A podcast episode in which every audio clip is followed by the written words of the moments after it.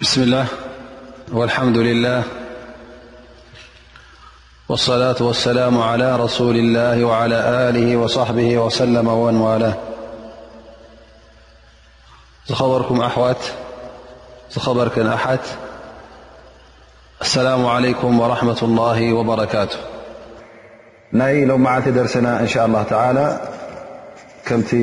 ممر مرنا إن شاء لله نا مل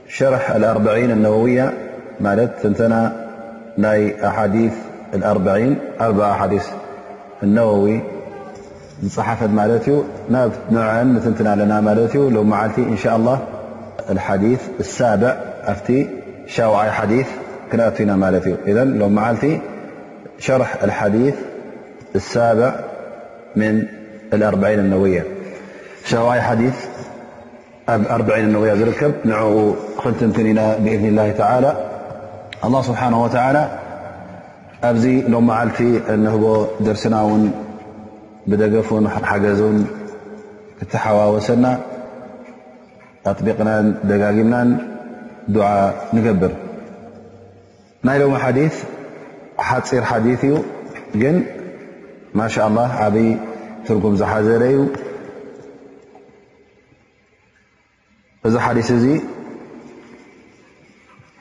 ب عن أبي رقية تميم بن أوس الداري - رضي الله عنه أن النبي - صلى الله عليه وسلم -قال الدين النصيحة قلنا لمن قال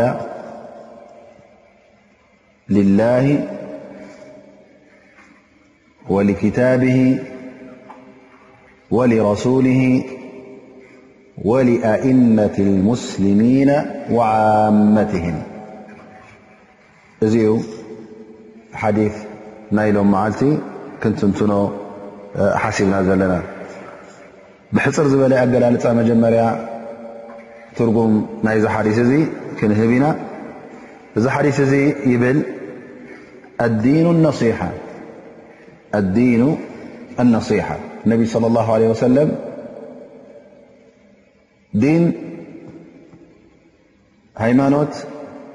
ምኽሪ እዩ ማለት እቲ ዲን ኩሉ ኣብ ምንታይ እነቢ ስለ ላ ለ ወሰለም ተርጉሞሞ ኣብ ነሲሓ ምሃብ ኣብ ምኽሪ ዓጊቶሞ ማለት እዩ ነቢ ስለ ላ ለ ሰለም እዚኣ ቃል ምስ በሉ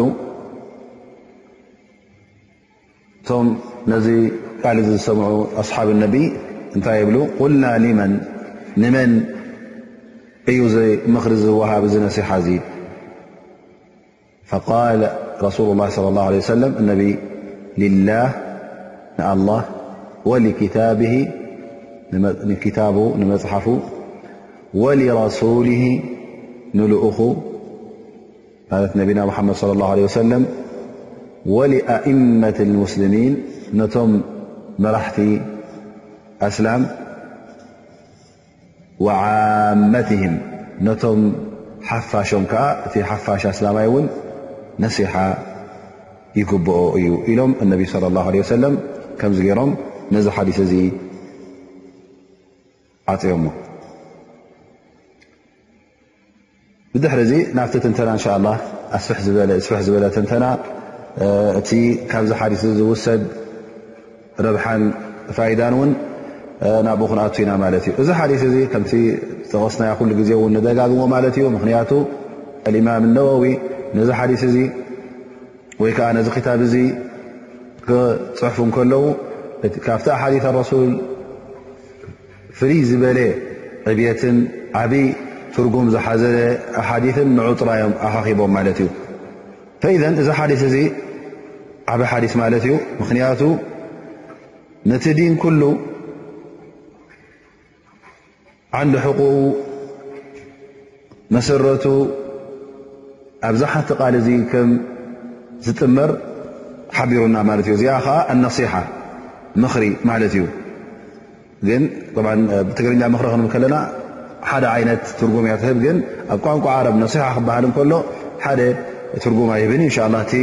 ሒዝዎ ዘሎ ሓዚልዎ ዘሎ ሓቂፍዎ ዘሎ ትርጉማት ኣብኡ ክንኣቲና ማለት እዩ ፈኢዘ ነቢ ስለ ላ ሰለም ታዲን ኩላ ኣብ ነሲሓ ዓጊቶማን ጠሚሮማን ማለት እዩ ፈካን እዛ ነሲሓ እዚኣ እንተ ጌርካ ነዛ ነሲሓ እዚኣ እተ ቀጢልካ ከትካ እቲ ዲንካ ቀጢሉ ከም ዝቆመ እዮም ዝሕብሩ ዘለዉ ማለት እዩ እተ ኣኣጉዲልካ እቲ ዲንካ ይጎድል ኣሎ ማለት እዩ ከምቲ ጉቡእ ከምቲ ኣላ ስብሓን ወተላ ዝደልዮ ካባኻ ከምቲ ነቢ ስለ ላ ለ ወሰለም ዘመሓላለፍዎ ከምኡ ጌርካ ኣይሓዝካዮን ማለት እዩ ነዚ ዲን እዚ ነሲሓ ክትርጉምዋ እንከለዉ ዑለማ እቲ ሒዝዎ ዘሎ ማዕና እብሉ ትርጉም ናይ ንፅሃትን ንፅህናን ናይ ሓቅነትን እዩ ይብሉ ማለት እዩ እዘን ሓቅነትን ንፅህናን እክላስ ወሰደቕ ክብሉ ከለዉ እዚ እንታይ ማለት እዩ ነታ ነፍስኻ ኣብ ዝለዓለ ቦታ ኣብፅሕካ ከተፅርያን ከተንፅሃን እንከለኻ እዚ ድማ ነሲሓ እበሃል ማለት እዩ ምኽንያቱ እታ ነፍሲ ስለ ዝነፅሀትን ስለ ዝፀረየትን ቋንቋ ዓረብ ንገዛእ ርእሱቲ ነሳሓ ወይ ነሲሓ ክትበሃል እንከላ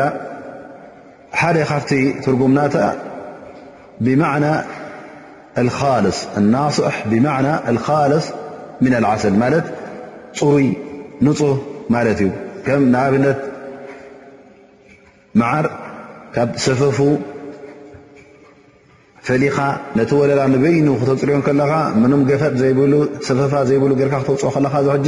ዓሰል ካልስ ስለ ዝኾነ ነሳሓ ዓሰል ይበሃል ነዚ መዓር እዚ ስለ ዘጽረኻዮ ማለት እዩ ፈኢዘን እንታይ ዝብል ዘሎ እዚ ሓዲስ እዚ ማለት እዩ ኣንቱም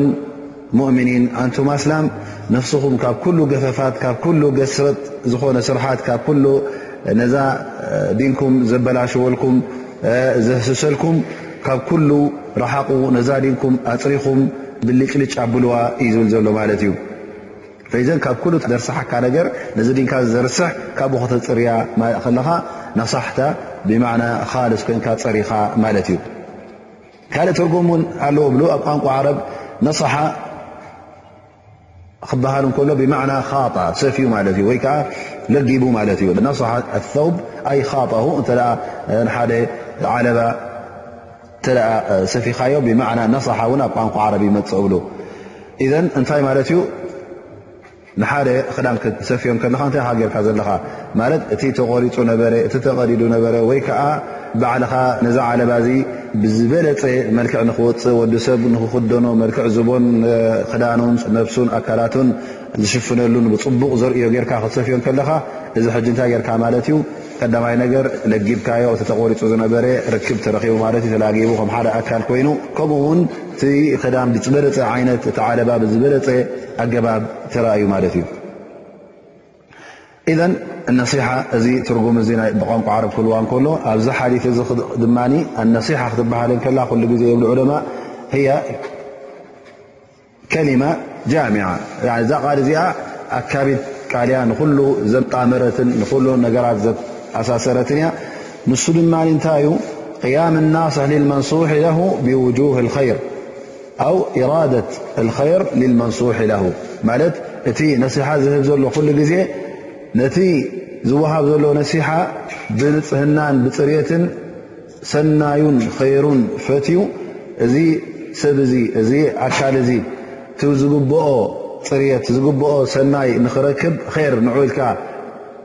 ክትገብር እንከለኻ ሓደ ነገር ልብኻ ኣንጽህካ ንዕኡ ፈቲኻ ማለት ኣብ ልብኻ ሕማቕ ነገር ከየቐመጥካ ከለኻ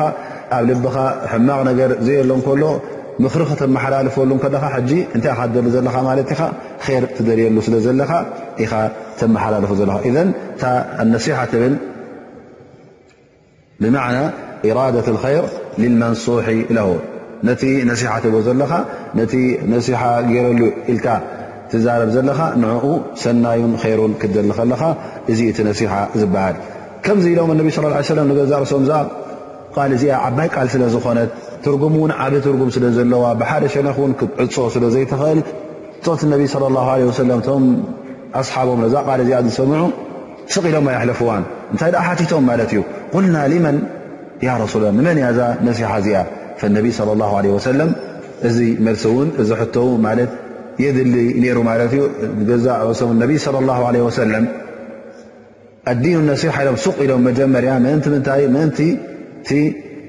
ዝሰምዕ ዘሎ ሰብ እዛ ቃል እዚ ዓባይ ቃል ስለ ዝኾነ ከም ዝሓትት ፈልጥዎ ነይሮም እሞ ከዓ ተገዲሶም ምእንቲ እቲ ብድሕሪኡ ዝመፅእ ዘረባ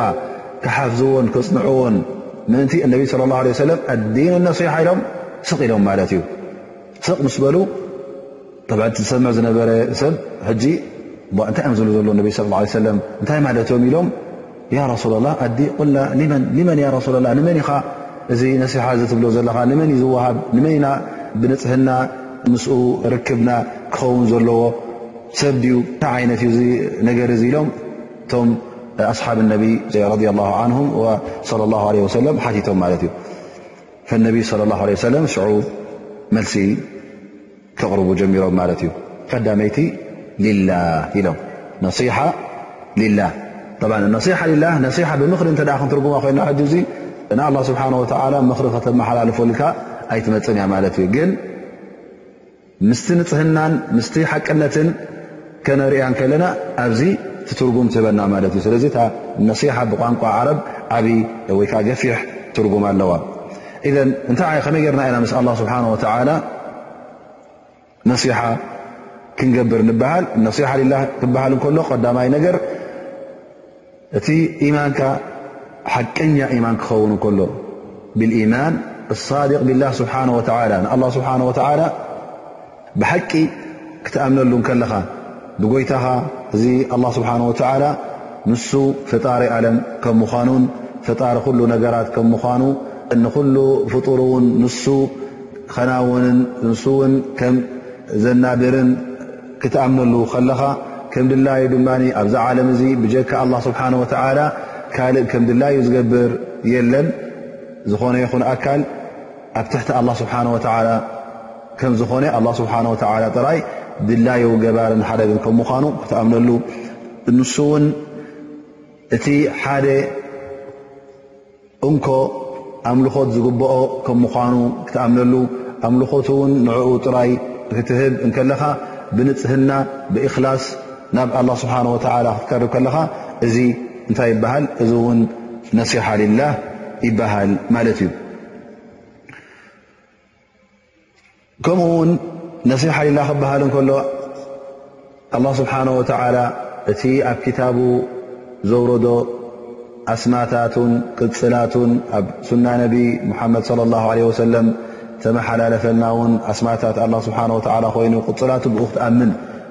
እቲ ትርጉሙ ውን ከተጽንዖ እቲ ኣስማት ኣላ ስብሓን ወተዓላ ውን ከተጽንዖ ከለኻ እዚ እንታይ እዩ ዘርኢ ዘሎ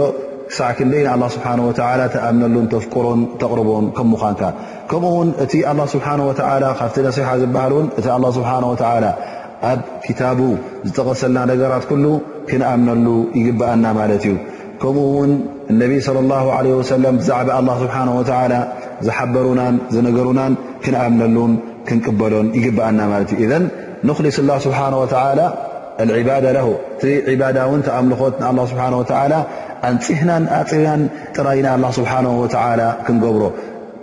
ፈፂምና ድማ ምስ ኣላ ስብሓን ወተዓላ ካልእ ሽርካ ካልእ ተዳራጊ ምስ ኣላ ስብሓን ወተዓላ ክንገብር የብልናን ማለት እዩ እንተደኣ ከምዚ ገይርና እንታይ ንገብር ኣለና ማለት እዩ ነሲሓ ልላህ ንገብር ኣለና ማለት እዩ ኩሉ ኣላ ስብሓን ወተዓላ ዝኣዘዘና ድማ ምእዘዛ ዋጅብ ኮይኑ ሙስተሓብ ኮይኑ ክንምእዘዝ ኣለና ቀጥ ኣቢልና ክንውሕዞ ኣለና ካብኡ ፈልከት ክንብል የብልናን እቲ ኣላ ስብሓን ወተዓላ እውን ኣይትቕረብዎ ኢሉ ዝነሃረናን ኣይትቕረብዎ ኢሉ ካብኡ እውን ንኽንርሕቕ ዝሓበረና ኣላ ስብሓን ወተዓላ ካብኡ ፈፂምና ክንርሕቕ ኣለና እዚ ነገር እዚ ሓራም ኮይኑ ሙንከር ኮይኑ መክሩህ ኮይኑ ብዝኾነ ይኹን ደረጃታት ፈፂምና ካብኡ ክንርሕቕ ከለና ነፅህናን ፀሪናን ንኣላ ስብሓን ወተዓላ ብሓቂቲ ንዕኡ ዝግባእ ኣምልኾት ነቕርብ ኣለና ማለት እዩ ከምኡ ውን ንኣላህ ስብሓን ወተዓላ ክንፈትዎ ኣለና ማለት እዩ ካብ ነብስና ዝያዳ ክንፈትዎ እሱ ኣላ ስብሓን ወተዓላ ዝፈትዎ ድማ ንፈቱ ኣላ ስብሓን ወተዓላ ዝፀልኦ ነገራት ድማ ኩሉ ክንፀልኦ ኣለና ኣብ ቅድሚ ኣላ ስብሓን ወተዓላ ተፀልአ ንስኻ ክትፈትዎ የብልካን ምክንያቱ ኣላ ስብሓን ወተዓላ ዝፀልኦ ነገር እከይ ስለ ዝኾነ ጎዳእይ ስለ ዝኾነ ኣላህ ስብሓን ወተዓላ ይፀልኦ እቲ ኣላ ስብሓን ወተዓላ ዝፈትዎ ድማ ኩሉ ንዓና ዝኸውን ኣብ ኣዱንያናን ኣብ ኣኼራናን ጠቓሚ ዝኸውን ስለ ዝኾነ ንዕኡ ክንፈትዎ ኣለና ማለት እዩ ኣላ ስብሓን ወተዓላ ንባረቶም ነቶም ምእመናን ነቶም ሙእምኒን ነቶም መገዲ ኣላ ስብሓን ወተዓላ ሒዞም ዝኾዱ ይፈትዎም እዩ ንሕና ድማ ንዕኦም ክንፈትዎም ኣለና ምስኦም ክንሕወስ ኣለና ምስኦም ክንተሓባበር ኣለና መዋላት ዕባድላ ሙእምኒን እቶም ባሮት ኣላ ስብሓን ወተዓላ ኣብ መንጎናን ኣብ መንጎኦምን ምትእስሳር ፍቕሪ ስኒት ምትሕግጋዝ ክህሉ ኣለዎ ማለት እዩ እቶም ፀላእቲ ድማ እቶም ኣላ ስብሓን ወላ ዝፀልኦም ካብ ሸይጣን ጀሚርካ እቶም ንሸይጣን ዘምልኹ ምስ ኣላ ስብሓን ወላ ሽርክ ዝገብሩ ብኣላ ስብሓን ወላ ዝክሕዱ እውን ንስኻ እውን እዞም ሰባት እዚኦም እዞም ወገናት እዚኦም ኣላ ስብሓን ወላ ዘይፈትዎም ስለ ዝኾኑ ንኣላ ስብሓን ወላ ዝበደሉ ስለ ዝኾኑ ንስኻ እውን ካብኦም ናፃ ክትከውን ኣለካ በራእ ክትብል ኣለካ ክትፀልኦም እውን ኣለካ ማለት እዩ ፈመን ቃመ ብሊክ እንተ ነዚ ነገራት ጌርካ እንታይ ጌርካ ንኣላ ስብሓን ወተላ ነፅህካን ልብኻ ኣንፅህካን ነፍስኻ ነፅህካን ቀሪብካዮ ኣለኻ ማለት እዩ ካብ ኩሉ ነዚ ነፍሲ እዚ ነዚ ኢማንካ እዚ ነዚ ልብኻ እዚ ዘስሖን ዘኽፍኦን ካብኡ ርሕቕካ ማለት እዩ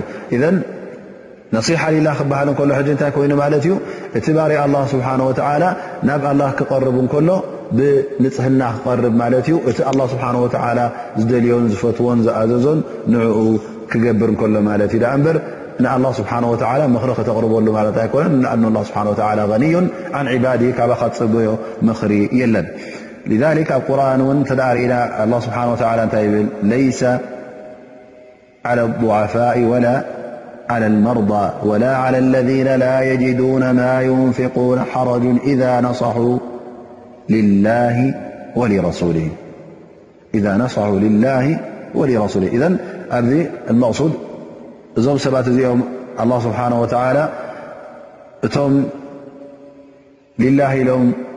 ፊ ሰቢልላህ ምእንቲ ኣላ ስብሓን ወተላ ኢሎም ገንዘብ ንኸውፅኡ ክእለት ዘይብሎም ዝኣመሰሉ ወይ ከዓ ሕሙማት ድኹማት ነዚ እስልምና እዚ ብዝከኣሎም መጠን ክቃለስሉ እደልዩ እዮም ግን ድኽመት ስለ ዘለዎም ሕማም ስለ ዘለዎም ወይ ከዓ ሕፅረት ናይ ገንዘብ ስለ ዘለዎም ሊላ ኢሎም ፊ ሰቢልላ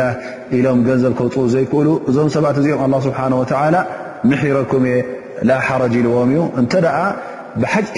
ንፅህና ኣለኩም ኮይኑ ግን ሊላ ወይ ረሱሊ ንኣላ ስብሓን ወተላ ነቲ ልእኹ እውን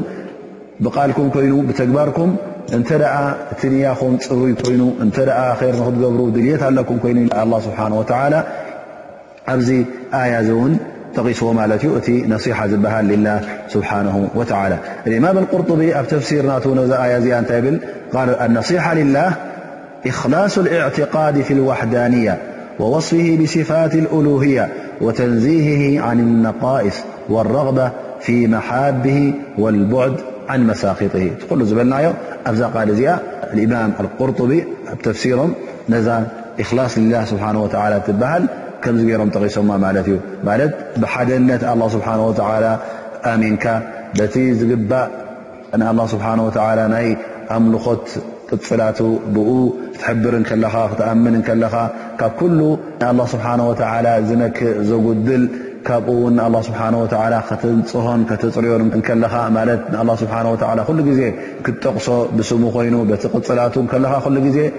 በቲ ምሉእ ስሙ በቲ ምሉእ ግርምኡ ኢኻ ትጽውዖ ዘለኻ ማለት እዩ በቲ ኣኽብሮት ናቱ ዝመልአ ኣስማቱ ኢኻ ትጽውዖ ከምኡ ውን እቲ ኣላ ስብሓን ወተዓላ ዝፈትዎ ነገራት ንዕኡ ተጓዩ ኻ ትቐርቦን ትፈትዎን እቲ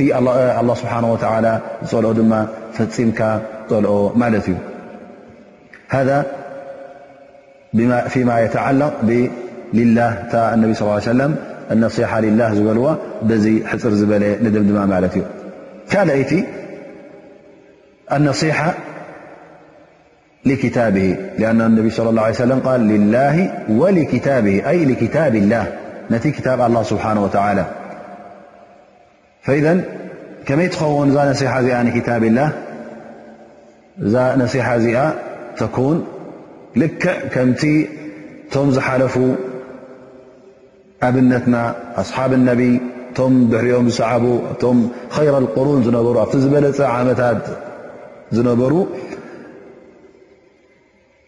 ከምቲ ንሶም ዝኣምንዎ ዝነበሩ ገርና ብዛዕባ ቁርን ክንኣምን ማለት እዩ ብማዕና እዚ ቁርን እዚ ልክዕ ቃል ኣላ ዘረባ ኣላ ስብሓን ወተላ ከምዝኾነ ክትኣምን ኣላ ስብሓን ወተላ ብሓቂ በዚ ቁርን እዚ ከም ተዛረበ ተዛሪቡ እውን ኣላ ስብሓን ወተላ ከም ወሓይ ርኣይ ገይሩ ናብ ነቢና ሙሓመድ صለ ላሁ ለ ወሰለም ከም ዘመሓላለፎ ብጅብሪል ገይሩ እዚ ክታብ እዚ እውን እቶም ዝሓለፉ ምእመናን ኩሎም ብኡ ብሓቂ ኣሚኖም እዮም ቃል ኣላ ስብሓን ወተላ ከም ዝኾነ እቲ ብኡ ዝመፀ ኩሉ መርትዖታት ሓቀኛ ከም ምዃኑ እዚ ክታብ ቁርን እውን ቃል ኣላህ ስብሓን ወተዓላ እዩ ክትበሃል እንከሎ ፈፂምካ እዚ ቃል ኣላ ስብሓን ወተዓላ ቃል ሰብ ይመስል እዩ ወይ ከዓ ከም ቃል ሰብ እዩ ኢልካ ምስ ቃል ሰብ ከተቀራርቦ እንተ ኮይንካ ብተመሳሳሊ ኮይኑ ወይ ከዓ ደቂ ሰብ እውን ከምዚ ቃል እዚ ሰክዑን ክብሉን ክዛረቡን ንኽእሉ እዮም እተ ትብል ኮይንካ እዚ ዘረባ እዚ ሕጂ ክሕደት እዩ ዝቁፀር ማለት እዩ እዘን ፈፂምካ እዚ ቃል እዚ ፈፂሙ ቃል ሰብ ከምዘይመስል ደቂ ሰብ እውን ነዚ ቃል እዚ ዝመስል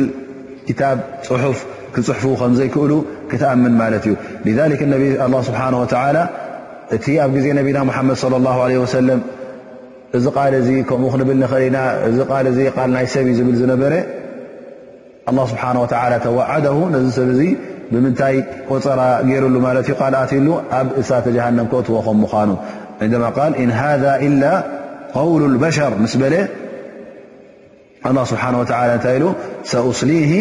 ሰቐር እዚ ቁርን እዚ ቃል ደቂ ሰብ እዩ ዝበለ ኣነ ድማ ሓዊ እሳት ወይ ከዓ እሳተ ጀሃንም ኣብኣ ክጠብሶ እየ ኢሉ ኣላ ስብሓን ወተዓላ ቃል ኣትዩ ማለት እዩ ስለዚ እዚ ከም ዝብል ሰብ ኣላ ስብሓን ወተዓላ ተዋዓደሁ ቢናር ጀሃንም ብእሳት ጀሃንም ከእትዎ ከም ምዃኑ ኣላ ስብሓን ወተዓላ ኣብ ቁርኑ ጠቒሱልና ማለት እዩ ኢዘን ብሓቂ ክንኣምን ኣለና ክንፈልጥ ኣለና ማለት እዩ እዚ ቁርን እዚ ቃል ናይቲ ፈጣሪ ደቂ ሰብ ድኣ እምበር ናይ ደቂ ሰብ ከም ዘይኮነ ከምኡ ውን እዚ ቁርን እዚ ፈፂሙ ውን ቃል ደቂ ሰብ ከም ዘይመስል ክንኣምን ኣለና ማለት እዩ ስለዚ በዚ እንተ ኣሚንካ ነዚ ቐጣ ኣቢልካ እተ ሒዝካ መገዲ ሓቂ ሒዝካ ትኸይድ ኣለኻ ማለት እዩ ከምኡ ውን ነዚ ቁርን እዚ ከነኽብሮ ኣለና ዕብየቱን ክብረቱን ክንሕልወሉ ኣለና ምኽንያቱ እዚ ቁርን እዚ ቃል ኣላ ስብሓን ወላ ስለ ዝኾነ ከነዕዝዞ ይግብኣና ማለት እዩ ስለዚ ክብረቱ ከዓ ከምቲ ተኣዘዝናዮ ኣብ ፅቡቕ ቦታ ከተንብሮ ኣለካ ትኽልካ ኣብ ዝኾነ ቦታ ክትድርብ የብልካን ኣብ ረሳሕ ቦታ ኣብ ነጅስ ቦታ እንታይ ደኣ ኩሉ ግዜ ክብረት ክተለለካ ማለት እዩ ነዚ ክታብ እዚ ከምኡውን ክትቀርኦ ከለኻ ተገዲስካ ክትቀርኦ ኣለካ ማለት እዩ። ውዱእ ጌርካ ትሕዞ እዚ ኩሉ እንታይ እዩ ዘርኢ ዘሎ ክብረት ናይዚ ቁርን እዚ የርእካ ኣሎ ማለት እዩ። ከምኡ ውን እዚ ቁርን እዚ ነቲ መሪሕ ህይወትና ከም ምዃኑ ንኩሉ ህይወትና ውን ይዕብልል ከም ምዃኑ ኣብ ውሱን ግዜን ውሱን ሰዓትን ውሱን ዕድመን ውን የብሉን ውሱን ቦታ ውን የብሉን እንታይ ደኣ እዚ ቁርን እዚ ሳልሕ ሊኩል ዘማንን ወመካን ንኩሉ ግዝያትን ንኩሉ ቦታታትን እኩልን ብቑዕን ከም ምዃኑ ክንኣምነሉ ኣለና ማለት እዩ ምክንያቱ ኣላ ስብሓን ወተላ እዚ ቁርን እዚ መደምደምታ መልእኽቱ ስለ ዝገብሮ ነቢና ሓመድ ለ ላ ሰለም ተላኢኹም ሒዞሞ ዝመፁ መደምደምታ ስለ ዝገብሮ ማለት እዚ ቁርን እዚ ቀፃሊ ማለት እዩ ክሳዕ መዓስ ክሳዕ ዮም ኣልቅያማ ዝኸውን ደቂ ሰብ በዚ ቁርን እዚ ቐጢሎም ህወቶም ክምርሕሉ ከም ዝግባእ ክንኣምነሉ ኣለና ማለት እዩ ብዝከኣለና መጠን እውን መሪሕ ህወትና ክንገብሮ ኣለና ማለት እዩ መሪሕ ህወትና ንክንገብሮ እውን ክንቃለስ ኣለና ማለት እዩ ንሕና ኮይኑ ኣብ ግልናን ኣብ ናይ ዕለታዊ ናብራኻ ናይ ተራ ናብራኻ ናትካ ናይ ውልቅኻ ናብራኻ ብኡ ቀጥ ኣቢልካ ክትከይድ ኣለካ እነቢ ለ ላ ለ ወሰለም ሰይድ ዓእሻ ብዛዕባ ጠባዮም ክጠቀስ እንከላ ካና ኹሉቁሁ ልቁርን ትብል ነራ ማለት እዩ ዓይሻ ረድ ላ ዓና እዘን ጠባይ እነቢ ስ ሰለም ሞራል ነቢና ሓመድ ስ ለ ሰለም ስነ መግባሮም እንታይ እዩ ነይሩ ቁርን እዩ ነይሩ ቁርን ን የተሓረክ ልክዕ እቲ ቁርን ዝንቀሳቀስ ዘሎ ኣብ ህወት ነቢና ሓመድ ለ ላ ለ ወሰለም ይረአ ነይሩ ማለት እዩ እዘን እቲ ቁርን መፈለምታ መርሕ ህወትና ከም ውልቀ ሰባት ከምኡ ውን ነቲ ሕብረተሰብና ኩሉ ክመርሕ ይኽእል ከም ምኳኑ ኣሚና ህብረተሰብና ውን ንኽመርሕ ክንቃለስ ኣለና ማለት እዩ ምክንያቱ ኣላ ስብሓን ወተላ በዚ ቁርን እዚ ተመሪሕና ቀጣቢልና ክንከይድ እዩ ኣዚዙና ዘሎ ማለት እዩ ፈፂምና እውን ክንገድፎ የብልናን ኩሉ እቲ ኣብ ቁርን ዘሎ ውሳኔታት ክንቅበሎ ኣለና እቲ ኣብ ቁርን ዘሎ መምርሕታት ቀጣቢልና ክንሕዞ ኣለና ኩሉ እቲ ኣብ ቁርን ዘሎ ውን ናህና ኢልና ብስምና ቀጣቢልና ክነክሶ ይግብኣና ማለት እዩ ከምኡ ውን ምን ነሲሓ ብዛዕባ ቁርን እውን ነሲሓ ዝበሃል ነዚ ቁርን እዚ ክትቀርኦ ከምቲ ኣላ ስብሓን ወተላ ዘውረዶ ክትቀርኦ ከለኻ ድማ ከም ጋዜጣ ኣይኮንካ ትቐርኦ ከም ዝኾነ ይኹን ክታብ ኣይኮንካ መፅሓፍ ኣይኮንካ ትቐርኦ እንታይ ደኣ ከምቲ ግቡእ ኣቀራርኡ ጌርካ ትቐርኦ ማለት እዩ ኣን ኣላ ስብሓን ወተላ የቁል ወረትሊ ቁርን ተርቲላ ወረትሊ ቁርን ተርቲላ እዘን ከምቲ ግቡእ ከምቲ ኣላ ስብሓን ወተላ ዘውረዶ ተቕረእሁ ከማ እንዝል ክትቀርኦ ኣለካ ማለት እዩ ንስኻ ቀሪእካዮ ናብ ካልእ ውን ከተመሓላልፎ ንካልእ ውን ኣሕዋትካ ከተቕርኦም ኣለካ ማለት እዩ لኣን ነቢ ص ሰለም የقል ኹም መን ተዓለመ ቁርና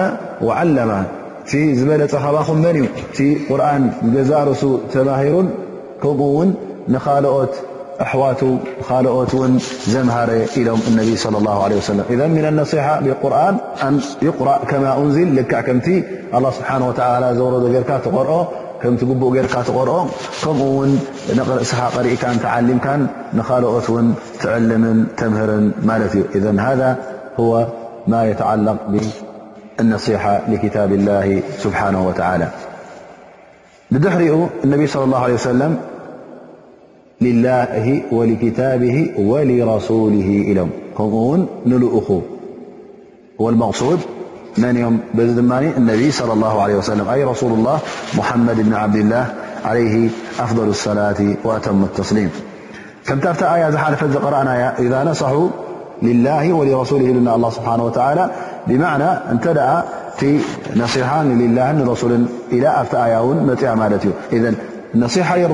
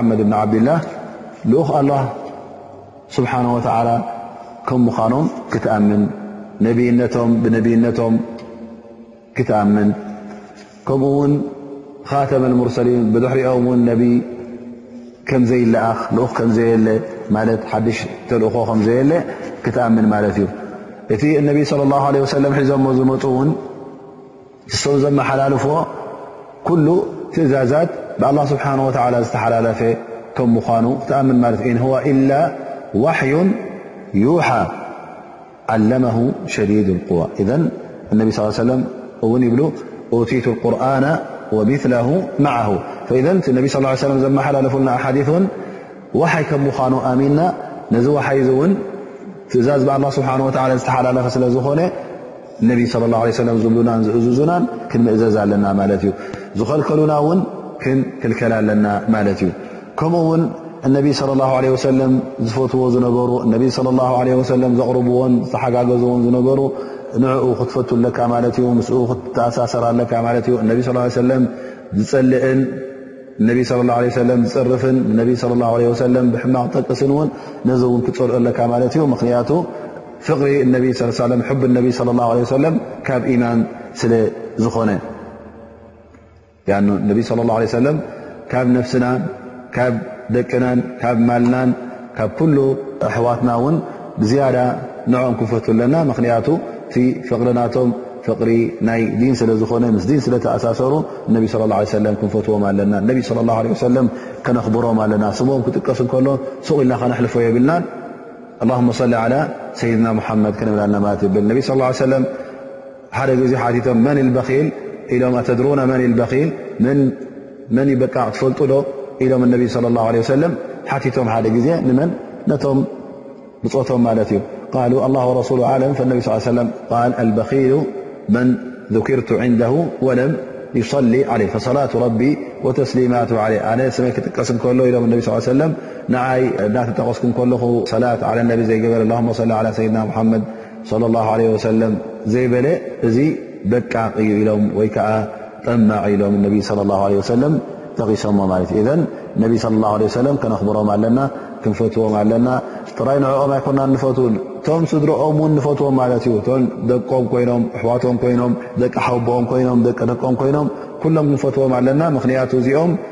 ስድራ ነቢና ሙሓመድ ለ ላ ለ ሰለም ስለ ዝኾኑ መገዲ ነቢና ሙሓመድ ለ ላ ለ ሰለም ሒዞም ስለ ዝኸዱ ምስ ነቢና ሙሓመድ ለ ላ ለ ወሰለም ርክብ ስለ ዝነበሮም ነቢ ስ ሰለም ስለ ዝፈትዎም ክንፈትዎም ኣለና ማለት እዩ ከምኡ እውን ሱና ነቢና ሙሓመድ ለ ላ ለ ሰለም እቲ ነቢ ስ ሰለም ዝገደፉልና ሓበሬታታት ሱና እውን ቀጥ ኣቢልና ንዑ ሒዝና ከነኽብሮ እውን ኣለና ማለት እዩ ነዚ ሱና እዚ ከምኡ ውን ካብቲ ኣከባብራ ናይዚ ሱና እዚ እንተ ዘይፍለጥ ሱና ኣሎ ኮይኑ ዘይተዘውተረ ሱና ኣሎ ኮይኑ ነዚ ሱና እዚ ፈትሽና ካብ ክታብቲ ኣውፅእና ነዚ ሱና እዚ ክንዝርግሖን ክንዝውትሮን ከለና ነዚ ሱና እዚ ክንመሃር ከለና ነዚ ሱና እዚ ክንከላኸለሉ ከለና ነቲ እነቢ ስለ ላ ለ ሰለም ኩሉ ዝገደፉልና ሓበሬታታት ንኩሉ ጠሚርናን ኣኪብናን ህዝቢ ከነፍልጦ ከለና እዚ ሱና እንታይ ከም ምዃኑ እውን ክንርእዮም ከለና ናብዚ ሱና እዚ ናብዚ መገዲ ነቢ ስለ ላ ለ ወሰለም ነቶም ኣስላሙን ክንፅውዖም ከለና እዚ ኩሉ እንታይ እዩ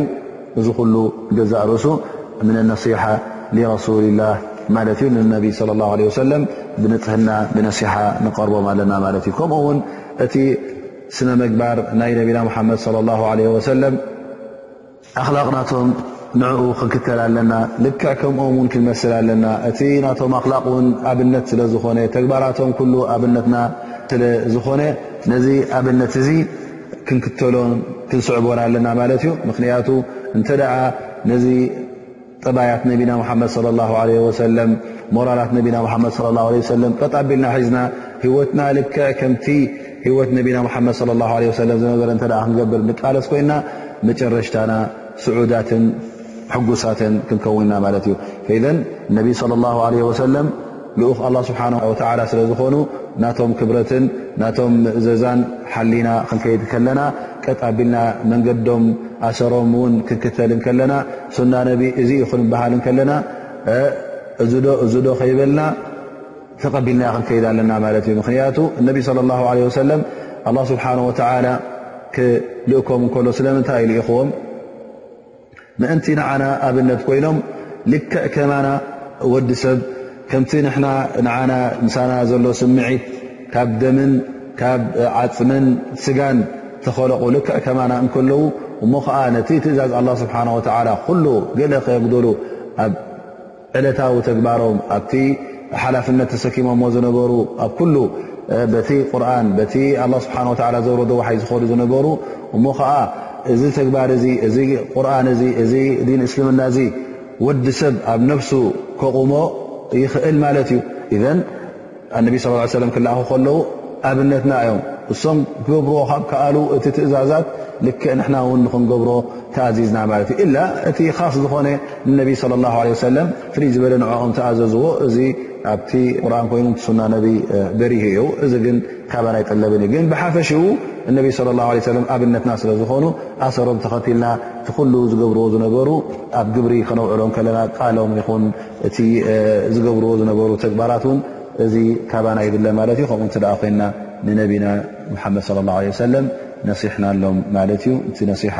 እውን ቀጣቢልና ንፅህና ሂዝናዮ ማለት እዩ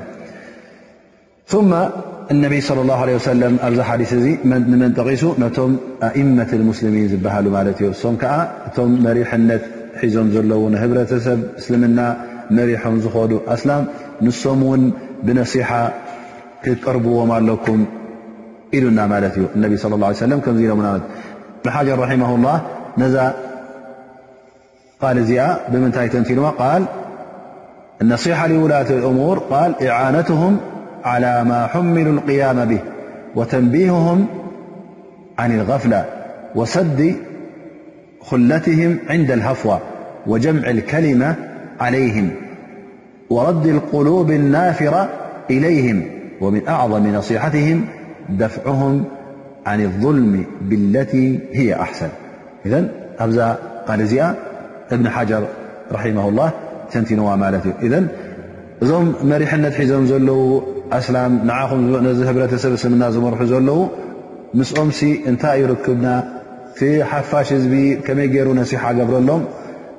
ብማዕና ኢዓነትሁም ኣብቲ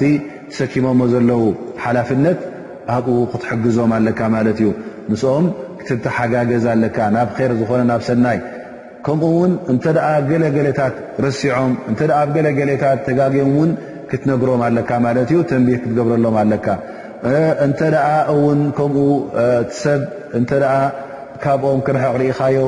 ኩሉ ውን ናብኦም ከም ዝቐርብ ሓደ ኢድ ከም ዝኸውን ክትጽውዕ ኣለካ ማለት እዩ። ልቢ ሰብ ከተቀራርብ ኣለካ ማለት እዩ። ሓደ ቃል ኮይኑ ሓደ ህብረተሰብ ኮይኑ ምእንቲ ክነብር ሓደ ኣካል ኮይኑ ምእንቲ ክነብር ኣብ ትሕቲ ሓደ መሪሕነት ምእንቲ ኮይኑ ክነብር ፋሕፋሕ ንኸይብል እቲ ኩሉ ነሲሓ ማለት ሓደ ኢድ ንክኸውን ክትቃለስ ኣለካ ማለት እዩ እንተ እቲ ህብረተሰብ ፋሕፋሕ ክብል ርኢኻዮ ኣብ ክንዲ ፋሕፋሕ ዝብል ኣብ ሓደ መሪሕነት ኣብ ፅላል ሓደ መሪሕነት ኮይኑ ንክንቀሳቐስ ሰብ ክትኣኻኽብ ከለኻ ልቢ ሰብ ክትኣኻኽብ ከለኻ እዚ እውን ካብቲ ነሲሓ ይኸውን ማለት እዩ ወቃል ምን ኣዕም እነስሕ ነሲሐትሁም ካብቲ ዝዓበየን ዝበለፀን ድማ ይብል እብኒ ሓጀር እንተ ደኣ ንሰብ ክዕምፁ ተረኺቦም ዓመፅ ክፍፅሙ እተ ርኢኻዮም ን እዞም መሪሕነት እዚኦም በቲ ፅቡቕ ኣገባብ ጌርካ በቲ ፅቡቕ መንገዲ ጌርካ ካብዚ ጌጋዚ ካብቲ ዓመፅቲ ከተርሕቖም ኣለካ ይብል ማለት እዩ ኢዘን ከምኡ ውን እንተ እዞም መሪሕነት እዚኦም ረቢ መገዲ ር ንክትሕዞም ጥዑያት ንክኾኑ ድዓ ክትገብረሎም ኣለካ እቲ ክእለት እተ ኣለካ ኮይኑ ውን ሓጃት ሙስልሚን ቶም ኣስላም እተ መልእኽቶም ናብኦም ክተብፅሓሎም ትኽእል ኮንካ ናፍቶም መሪሕነቶም ክእለት ኣለካ ኮይኑ ናይ ሓፋሽ ህዝቢ መልእኽቲ ውን ተብፅሕ ማለት እዩ ምን ነሲሓ ለሁም ካብቲ ነሲሓ ሎም ድማ ንማዕሩፍ ሰናይ ክእዝዙኻ ከለዉ ሕራይ ኢልካ ክትቅበል ኣለካ ማዕስያ እንተ ኮይኑ ድማ ክትቅበል የብልካ ማለት እዩ እንተ ንማዕስያ ኣዚዞምኻ ላ ጣዕተ ሊመክሉቅ ፊ ማዕስየት ልካልቅ ፈፂምካ ቀዳምነት ንኣላ ስብሓን ወተዓላ ስለ ዝኾነ እንተ ኣብቲ ትእዛዛቶም ማዕስያ ኣዚዞምኻ ክትቅበል የብልካን መዕሩፍ እተ ኮይኑ ጣዓ እተ ኮይኑ ግን ክትቅበል ኣለካ ማለት እዩ ትምእዘዝ ማለት እዩ ሃ ምነ ኖስሕ እቲ ንገዛእ ርእሱ ማዕስያ ኣዚዞምኻ እንተ ነዚ ማዕስያ እዚ ዘይፈፀምካዮ ንገዛእ ርእስኻ ነሲሕካዮም ማለት እዩ ሓጊዝካዮም ማለት እዩ ምክንያቱ እተ ነዚ ገበን እዚ ስኻ ፈፂምካ ትዘንቢ ንዓኻን ንዕኦምን ስለ ዝልክም ካብዚ ዘንቢ ዘውን ተናግፎም ኣለኻ ማለት እዩ ወላ እውን ባዕሎም ይኣዝዙ እዘ እዚ ሓደ ወጅህ ወይ ከዓ ሓደ ገፅ ናይቶም መሪሕነት ህብረተሰብ እስልምና ክበሃል እንከሎ ዑለማ ጠብዓ ኡሉል ኣምር ክጠቕሱ ከለዉ ክልተ ዓይነት እዮም ይብሉ ኣልኡመራ ወልዑለማ ዑለማ እውን እቶም ምሁራን እቶም ምሁራት ዕልሚ መራሕቲ ሃይማኖት ዝበሃሉ ብትግርኛ ማለት እዩ ዕልሚ ናይ ዲን ዘለዎም ፍልጠት ናይ ዲን እስልምና ዘለዎም ነዚኦም እውን ነሲሓ ክትገብረሎም ኣለካ ምክንያቱ እሶም ውን ሓላፍነት ስለ ዘለዎም ነቲ ዲን ሒዞም ስለ ዘለዉ ንዕኡ ውን ይቃለሱ ስለ ዝኾኑ ነዚ ዲን እዚ ውን ተማሂሮም ነቲ ህብረተሰብ በዚ ዲን እዚ ዝሕብሩን ዝመርሑን ስለ ዝኾኑ ነዞም ሰባት እዚኦም ነዞም ዑለማእ እዚኦም ክትፈትዎም ኣለካ ክትከላኸለሎም ኣለካ እንተ ንዕኦም ዘናእስ እተ ንኦም ዝፀርፍ እተ ንኦም ዘናሽው ርኢኻ ምኽንያቱ እዞም ሰባት እዚኦም ነቲ ዲን ዝሕልው ስለ ዝኾኑ መገዲ ሓቂ ሒዞም ነዚ ዲን እዚ እውን ተገዲሶም ዝሕዝዎ መገዲ ሓቂ ዝደልዩ ስለ ዝኾኑ እቶም ዑለማ ኩለስ ዝኾኑ ነዞም ሰባት እዚኦም ክትፈትዎም ኣለካ ከምኡ እውን ክትከላኸለሎም ኣለካ ከምኡ ውን እቲ ዕልሞም እቲ ፍልጠቶም እውን ኣብ ፈቐድኡ ክትነዝሖ ኣለካ ማለት እዩ እቲ ዕልሚ ናቶም እውን እሶም ክበፅሑ ዘይክእሉ ቦታታት እስኻ እተ ክትበፅሖ ክኢልካ ነቲ ዕልሚ ናቶም እውን ክትነዝሖ ኣለካ ማለት እዩ ኣብ ሙሉእ ዓለም ኣብ ሙሉእ ቦታ ኣብቲ ኣድላዪ ዝኾነ ማለት እዩ እዘን ኣውልያ ኣልኣምር እቲ ነሲሓ ናቶም ሰዋእን ኡመራእ ኮይኖም ማለት ሓላፍነት ዝሓዙ ወይ ከዓ ምሁራት ኮይኖም ምሁራት ኮይኖም ውን ነዚኦም ሰባት እዚኦም ን ነዞም ዕለማ እዚኦም ውን ሓላፍነት ስለ ዝሓዙ እቶም መሪሕነት ናይ እስልምና ውን ኣብ ኢዶም ስለ ዘሎ እታ ክትገብረሎም ኣለካ ማለት እዩ ነሲሓ ክትገብረሎም ኣለካ ተነሲሐኦም ድማ ከምዚ ዝጠቐስናዮ ይኸውን ከምኡ ውን እቶም ነሲሓ ክወሃቡ ዝግብኦም ውን ነቢ صለ ላ ለ ሰለ ኣብ መጨረሻ ዝጠቐሶም ዓመት ሙስልሚን ሓፋሽ ኣስላም ማለት እዩ ንዕኦም ውን ትመኽሮም ነሲሓ ትቦም ቃል ዓላማ ነወዊ تكون النصيحة لعامة المسلمين بمنتحخونلو إرشادهم لمصالحهم في آخرتهم ودنياهم وكف الآذا عنهم فيعلمهم ما يجهلونه من دينهم ويعينهم عليه بالقول والفعلإذ ነዞም ሰባት እዚኦም ነዚ ሓፋሽ ህዝቢ እዚ ከመይ ጌርካ ኢኻ ነሲሓ እትገብረሉ? ኩሉ ንዕኦም ዝኸውን ንሰናዮም ዝኸውን ኣብ ኣደንኦም ኮይኑ ኣብ ኣኼራኦም ኮይኑ ክትሕብሮም፣ ክትነግሮም፣ ክትመኽሮም ምኽርኻ ኩሉ ድልየትካ ኩሉ እንታይ ክኸውን ማለት እዩ ንዕኦም ጠቓምን ንዕኦም ከዋንን ዝኸውን ኣብ ኣዱንያኦም ኮይኑ ኣብ ኣኼራኦም ኮይኑ ዝጠቕሞም ከምኡ ውን ዝኾነ ይኹን ማህሰይቲ ዝኾነ ይኹን ጉድኣት ከተውርደሎም የብልካን እንታይ ደኣ ክትከላኸለሎም ኣለካ ዝኾነ ጉድኣት ክወርድ እንተ ደኣ ርኢኻዮ እውን ከተጠንቅቖም ኣለካ ማለት እዩ ኣብቲ ዲን እውን ዘይፈልጥዎ ዝነበሩ እተ ኣሎ ኮይኑ ከተፍልጦም ኣለካ ክትዕልሞም ኣለካ ብቓልካን ብተግባርካን ኩሉ ክትሕግዞም እንከለኻ ሰናዮም ደሊኻ ማለት እዩ እዚ ካባኻ ዝጥለብ ማለት እዩ ከምኡ እውን ጌጋታት ዝፈፀምዎ እንተ ኣሎ ኮይኑ እዚ ጌጋታት እዚ እውን ክትእርሞም ኣለካ ኣሪምካ ድማ ክትሰትሮም ኣለካ ማለት እዩ ክትሓብኦም ኣለካ ማለት ሓደ ሰብ ተጋግዩ ሓደ ሓዊ ከዓ ተጋግዩ ኣብ ቅድሚ ሰብ ኩሉ እዚ ኮ ከም ዝገበረ እዚ ኮ ከምዚ እዩ እናበልካ ከተካፍእ የብልካን ማለት እዩ ስለዚ ሰትሪ ዓውራትህም ወሰድ ኸላትህም ግዴታ ይኸውን ማለት እዩ ከምኡ ውን ኣምር ብልማዕሩፍ ክገብረሎም ኣለካ ማለት ኩሉ ግዜ እንተ ካብ ሰናይ ክረሕቁ ርኢኻዮም ናብ ሰናይ ክደፍኦምን ብኡ ክትእዝዞምን ኣለካ እንተ እከይ ክገብሩ ክጋገዩ እተ ርኢኻ ብረፈቅ እክላስ ብሰናይ ኣገባብ ጌርካ ብጥዑም ዘረባ ጌርካ ካብቲ እከይ ክትመልሶም ኣለካ ናፍቲ ሓቂ ምክንያቱ እዚ ንዕኦም ጠቃሚ ከምዝኾነ እንተ መገዲ ኣላ ስብሓን ወላ ሒዞም ኮይዶም ኣብ ኣዱንያን ኣብ ኣራን ኣላ ስብሓን ወላ ሽሻይን ኸይርን ስለ ዝኽሕሶም ከምዚ እናበልካ ብጥዑም ዘረባ ጌርካ ከተስምዖም ኣለካ ማለት እዩ ከምኡ ውን ፍቶት ከተርኢ ኣለካ ክትፈትዎም ኣለካ ሸፈቓ ክትገብረሎም ኣለካ ክትድንግፀሎም ኣለካ ዓብ እንተ ኮይኑ ክተኽብሮ ንእሽተይ እተ ኮይኑ ድማ ርሕሞ ክትርህርሃሉ ከለኻ ከምኡ ውን ጥጥዑሙን ሰሰናዮም ክትፈትወሎም ከለኻ እቲ ንዓኻ ትፈትዎ ነገር እስኻ ክትረኽቦ ትደሊ ነገር ንዕኦም ንክረኽብዎ ደስ ክብለካ ከሎ እዚ ካብ ምልክት ኢማን ስለ ዝኾነ ዩ ኣን ይሕባ ለ ማ ይሕቡ ንነፍሲ እቲ ነፍስኻ ትፈትዎ ንኦም ክትፈትዎ ከለኻ እዚ እንታይ ማለት እዩ እዚ ካብዚ ላዕሊ እንታይ ራ ኣሎ ማለት እዩ እሞ እንታይ ዓይነት ር ሓደ ሰብ ነታ ነፍሱ ዝጎድእ የለን ነፍሱ ጉድኣት ክወርዳ ዝደሊ የለን ኩሉ ግዜ ነፍሱ ኸይር ሰናይ ብለጥ ኸይር ሰናይ ብልፀት ይደልየላ እዩ ስለዚ ልክዕ ከምታ ነፍሱ እዚ ነገራት እዚ ዝደልየላ ነቶም ኣሕዋቱ ከምኡ ንክረኽቡ ደስ ዝብሎን ዝፈቱን ዝቃለስን እተ ኮይኑ እዚ ካብቶም ሙእምኒን ኮይኑ ማለት እዩ ከምኡ ውን እሶም ዝፀልእዎ ክትፀልኦ ኣለካ እቲ ን እሶም ዘይፈትዎ ክትፈትዎ ውን የብልካን ማለት እዩ ምክንያቱ እዚ ሕውነት ዓቢ ሕውነት ስለ ዘርኢ ማለት እዩ። ፈጺምካ ውን ክትቕሽሾም የብልካን ክትጥብሮም የብልካን ኣብ ልብኻ ውን ፈጺምካ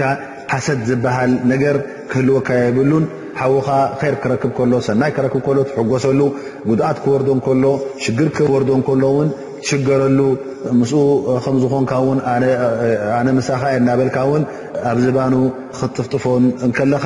ኣነ ሓው ከኣ ምሳኻ ኣለኹ ጎንኻ ኣለኹ ክትብሎ ከለኻ እዚ ንኡ ዘሐጉስ ስለ ዝኾነ ሓደ ኣካል ክትከውን ከለኻ ሙእምን ልሙእምን ከልጀሰድ ዋሕድ ኩሉ እቲ ሕቁቕ መሰላት ኣስላማይ ንስላማይ ክወሃብ ዝግባእ ከምኡ ኮንካ ክትነብር ከለኻ እዚ እቲ ነስሓ ዝበሃል ማለት እዩ እዘን ብቓልካ ኮይኑ ብተግባርካ ኮይኑ ብምንቅስቓሳትካ ኮይኑ ኩሉ ንጥፈታትካ ንምንታይ ነቲ ሓውኻ ዝፈትዎ ነቲ እስላማይ ሓውኻ ዝፈትዎ ክኸውን ኣለካ ማለት እዩ በል ይብሉ ዑለማእ ገለ ካብቶም ሰለፍ ሳልሕ ዝነበሩ ምእንቲ ሓዎም ኢሎም ነብሶም ዝጎድኡ ነይሮም ወለው ካነ ብህም ኸሳሳ ወላ ብ ነብሶም ጉድኣት ይወረዶም ዳኣ እንበረይ ወላ የሸገሮም ኣነሸገር ሓወይ ኣይሸገር እናበሉ እዚ ከም ዝኣመሰለ ይረአ ነይሩ ማለት እዩ እንተ ኣብዚ መርተባ ኣብዚ ደረጃ ዚ በፅሕካ ድማ ናብ ዝለዓለ ደረጃ በፅሕካ ማለት እዩ ማለት እቲ ጉድኣት ኣብ ክንዲ ናብ ሓወይ ዝወድቕ ኣባይ ይውደቕ እቲ ሰናይ ቀዳምነት ኣሕሊፈ ንሓወይ ይህቦ ኣለኹ ኢልካ እተ በፅሕካ ድማ እዚ እቲ ዝለዓለ ደረጃ በፅሕካ ማለት እዩ ብ እዚ እቲ ቀንዲ ንመን እዩ እቲ ዓመት ሙስልሚን ኣብቲ ሓዲ ዝተጠቕሰ ማለት እዩ ኣይን ንይር ሙስልሚን ነቶም ዘይ ኣስላም ውን እቶም ክሓድቲ እውን ነሲሓ ክትገብረሎም ኣለካ ሰናይ ናቶም ውን ክትክደሊ ኣለካ ማለት እዩ ኣብ ምንታይ ይረአ እዚ እነቢይ صለ ላه ለ ወሰለም ክለኣኹ ከለዉ ኣብ መካ መጀመርያ ክለኣኹ ከለዉ ኣስላማይ ዝበሃለ ዘብኡ ይነበረን ግን እነቢ صለ ላ ለ ወሰለም ነቶም ህዝቦም ኩሎም ሙሽርኪን ኩሎም ጥፉኣት ኩሎም ክሓድቲ ከለዉ ር ስለ ዝደለዩሎም ብኣላ ስብሓን ወላ ተላኢኾም ነቲ ር ይነዝሕዎ ነሮም ዳዕዋ ይገብሩ ነሮም ንመገዲ ሓቂ ይመርሕዎም ነሮም ካብ ሽርክ ካብ ጥፍኣት ካብ ጣዖት ንኽድሕኑ ለይትን መዓልትን ዕረፍቲ ክዕርፍ ዕረፍቲ ክረክብ ከይበሉ ነቢ صለ ላه ለ ወሰለም ለይትን መዓልትን ይቃለሱ ነይሮም ኣብ ርእሲኡ ወረ ነቢ صለ ላ ለ ወሰለም ማህረምትን መጉዳእትን ወድቆም ነይሩ ኣብ መካ ይኹን ኣብቲ ዝኸድዎ ዝነበሩ መሬት በዓል ጣይፍ ከይዶም ብቆልዑት ሱፋሃእ ማለት ብዓዋሉ እማን እናደርበዩሎም እግሮም ክሳዕ ደም ዝወፁ ብእማን እናደርበዩሎም ከለዉ ንሶም ር እናደርኢሎም ከለዉ ንሶም ከዓ እቶም ሙሽርኪን ብሕማቕ እናፈድዎም ከለዉ እነቢ ለ ላ ለ ሰለም ግን ዳዕዋኦም ቀፂሎም ማለት እዩ ዳዕዋኦም ቀፂሎም እዘን ነቲ ዘይእስላማይ እውን ዳዕዋ ክትገብረሉ ከለኻ እቲ መገዲ እስልምና ክትሕብሮም ከለኻ ካብቲ ዘለዎ ጥፍኣት ካብቲ ዘለዎ ክሕደት ካብቲ ዘለዎ ሽርክ ከተውፅኦ ከለኻ እንታይ ደሊኻ ኣለኻ እዚ ር ስለ ዝደለኻሉ ኢኻ እምበር ንሱ እንተ ጀሃንም ኣትዩ እተ ጠፊኡ ንስኻ ምንም ንዓኻ ዝረኽበካ ጉድኣት የለን ግን እንተ ነዚ ሰብ እዚ ሓቢርካዮ እንተ መገዲ ሓቂ ርኢኻዮ እወ እስኻ ኣጅሪ ኣለካ ግን ብዝዓበየ መን እዩ ዝጥቀም ንሱ እዩ ዝጥቀም ማለት እዩ ትጠፊኡ ዘሎ ንሱ እዩ ዝጥቀም ዘሎ ማለት እዩ እዘን እቲ ነሲሓ ብቐንዱ እቲ ቀዳማይ ሕቁቅ ዝዓበየ ሓቅ ጠማ ሓቀ ሙስሊም ዓለ ሙስሊም እዩ ግን እቲ ዘይ ኣመነ ውን እቲ ኣብ መገዲ ክሕደት ዘሎ ውን ንዕኡ ውን ሰናይ ክደልየሉ ኣለካ ኣኑ መልእኽቲ እስልምና ኩሉ ግዜ ንዓለም ኩሉ ካብ መገዲ ጥፍኣት ናብ መገዲ ሓቂ ናብ መገዲ ቅንዕና እዩ ንኸውፅእ ተላኢኹ ዘሎ ማለት እዩ ሓታ ርብዒ እብኒ ዓምር እቲ ሙሽሪክ ምስ ሓተቶ እንታይ ክትገብሩ መፅእኩም ቃል ምእንቲ ነቲ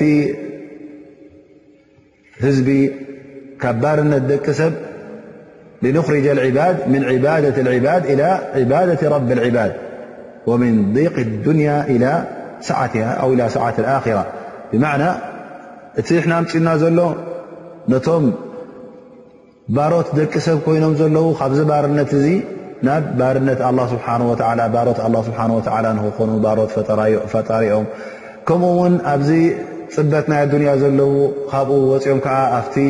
ስፍሃት ኣብቲ ፍስሃ ናይ ኣኼራን ደስታ ናብኡ እውን ንኸመሓላልፎም ማለት ካብቲ ዘለዎ ሽግር ካብቲ ዘለዎ ጥፍኣት ናብ ር ንክንመልሶም ኢና መፂና ኢሉ ተዛሪቡ ማለት እዩ መልእኽትና መልእኽቲ እስላማይ ኩሉ ግዜ ር ንክነዝሕ ስለ ዝኾነ እሱ እውን እዩ መልእኽትና በል ቦታ ናይቶም ዳዕዋ ዝገብሩ ነሲሓ ዝገብሩ ንደቂ ሰብ ር ሰናይ ዝደልሎም እተ ርእና ኣበይ ቦኦም ቦኦም ኣብቲ ቦታ ናይቶም ኣንብያ እዩ ኣላ ስብሓን ወተላ ብዛዕባ ነብላ ሁድ ክጠቅስ እንከሎ እንታይ ይብል ሁድ ዓለ ሰላም ነቶም ህዝቢ ክምልሰሎም እንታይ ኢሉ ኡበሊغኩም ርሳላት ረቢ ኣነ ለኩም ናስሑን ኣሚን ከምኡ ውን ነብላ ሳልሕ ክነርኢ ከለና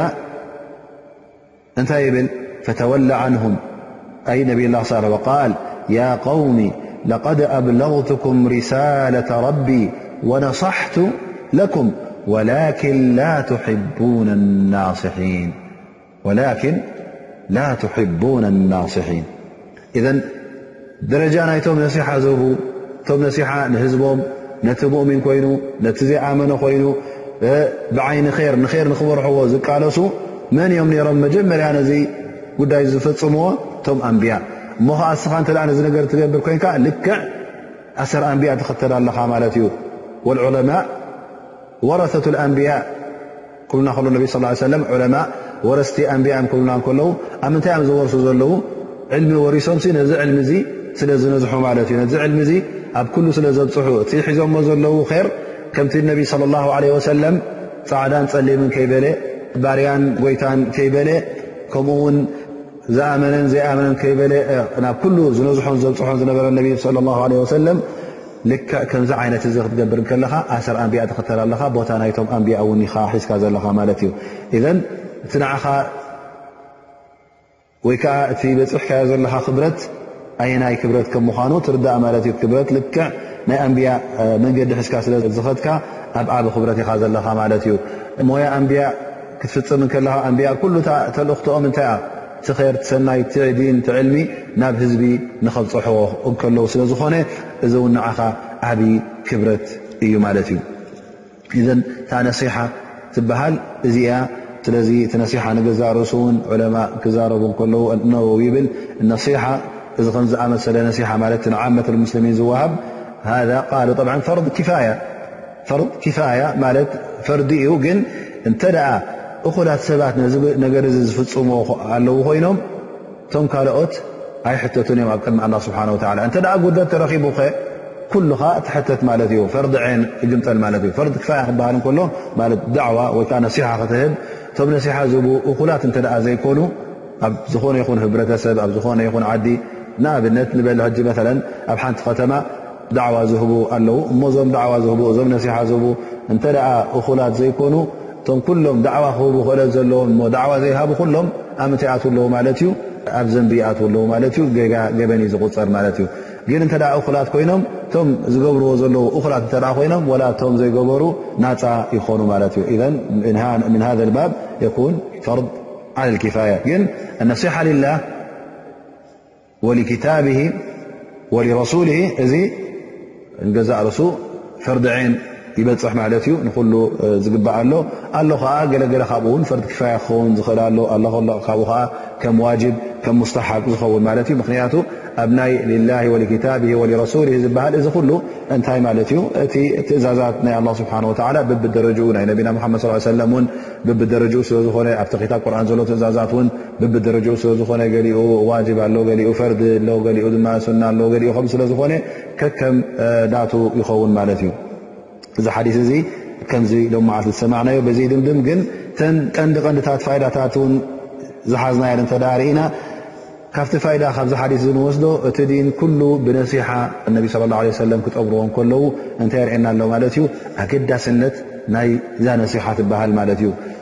እዛ ምኽሪ፣ እዛ ንጽህና፣ እዛ ሓቅነት፣ ሓቂ ሒዝካ ምኻድ ክሳዕ ክንደይ ኣገዳሲት ከም ምዃና እዩ ዝሕብረና ዘሎ ማለት እዩ። ፈኢዘን ነዚ ዲን እዚ ብነሲሓ ክስመ ይከኣል ከም ምዃኑ እቲ እስልምና እውን ብኡ ክጥመር ከም ዝከኣል እዩ ዝሕብረና ዘሎ ማለት እዩ። ባዕሉ ከምቲ ካልእ እውን ሓደሓደ ፋይዳታት ዝጠቐሱ ዑለማ እብሉኻ እንተ ሓደ ሰብ ሓንቲ ነገር ጠቒሱ ክከብርሃ ዝግባእ ፈሊጡ እንተ ኣደንጉይዋ ምእንቲ እቶም ዝሰምዑ ዘለዉ ተገዲሶም ንክሓቱ እዚ እውን ሓደ ከምቲ ኣገባብ ናይ ዳዕዋ ይኸውን ብሉ ማለት እነቢ ስለ ላ ለ ሰለም ሕጂ ኣዲን ነሲሓ ኢሎም ሱቕ ኢሎም መዓኑ ማዕና ናይ ነሲሓ ትርጉም ናይ ነሲሓ ኣይተንተንዎን ስቕ ክብሉ ከለዉ ግን ስለምንታይ እዮም ምእንቲ እቲ ዝሰምዕ ዘሎ ሰብ ተገዲሱ ምእንቲ ክቐርብ ማለት ምእንቲ ክሓትት እ ዝረብሕ እዩ ድማ ምእንቲ ክሰምዕ ስለዚ ከምዚ ጌርካ ዚ ከምዚ ኣገባብ ጌርካ ድማ ዳዕዋ ክትብ ከለካ ዳዕዋ ክትገብር እውን ክኡል ከም ምኳኑ ፍቀድ ከም ምኳኑ ተሓቢርና ማለት እዩ ከምኡውን ካብቲ ፋይዳታት ይብሉ ዕለማ ብማ ኣነ እዚ ኣላ ስብሓን ወተላ እቲ ዲን እቲ ነሲሓ እሱ ይካበለና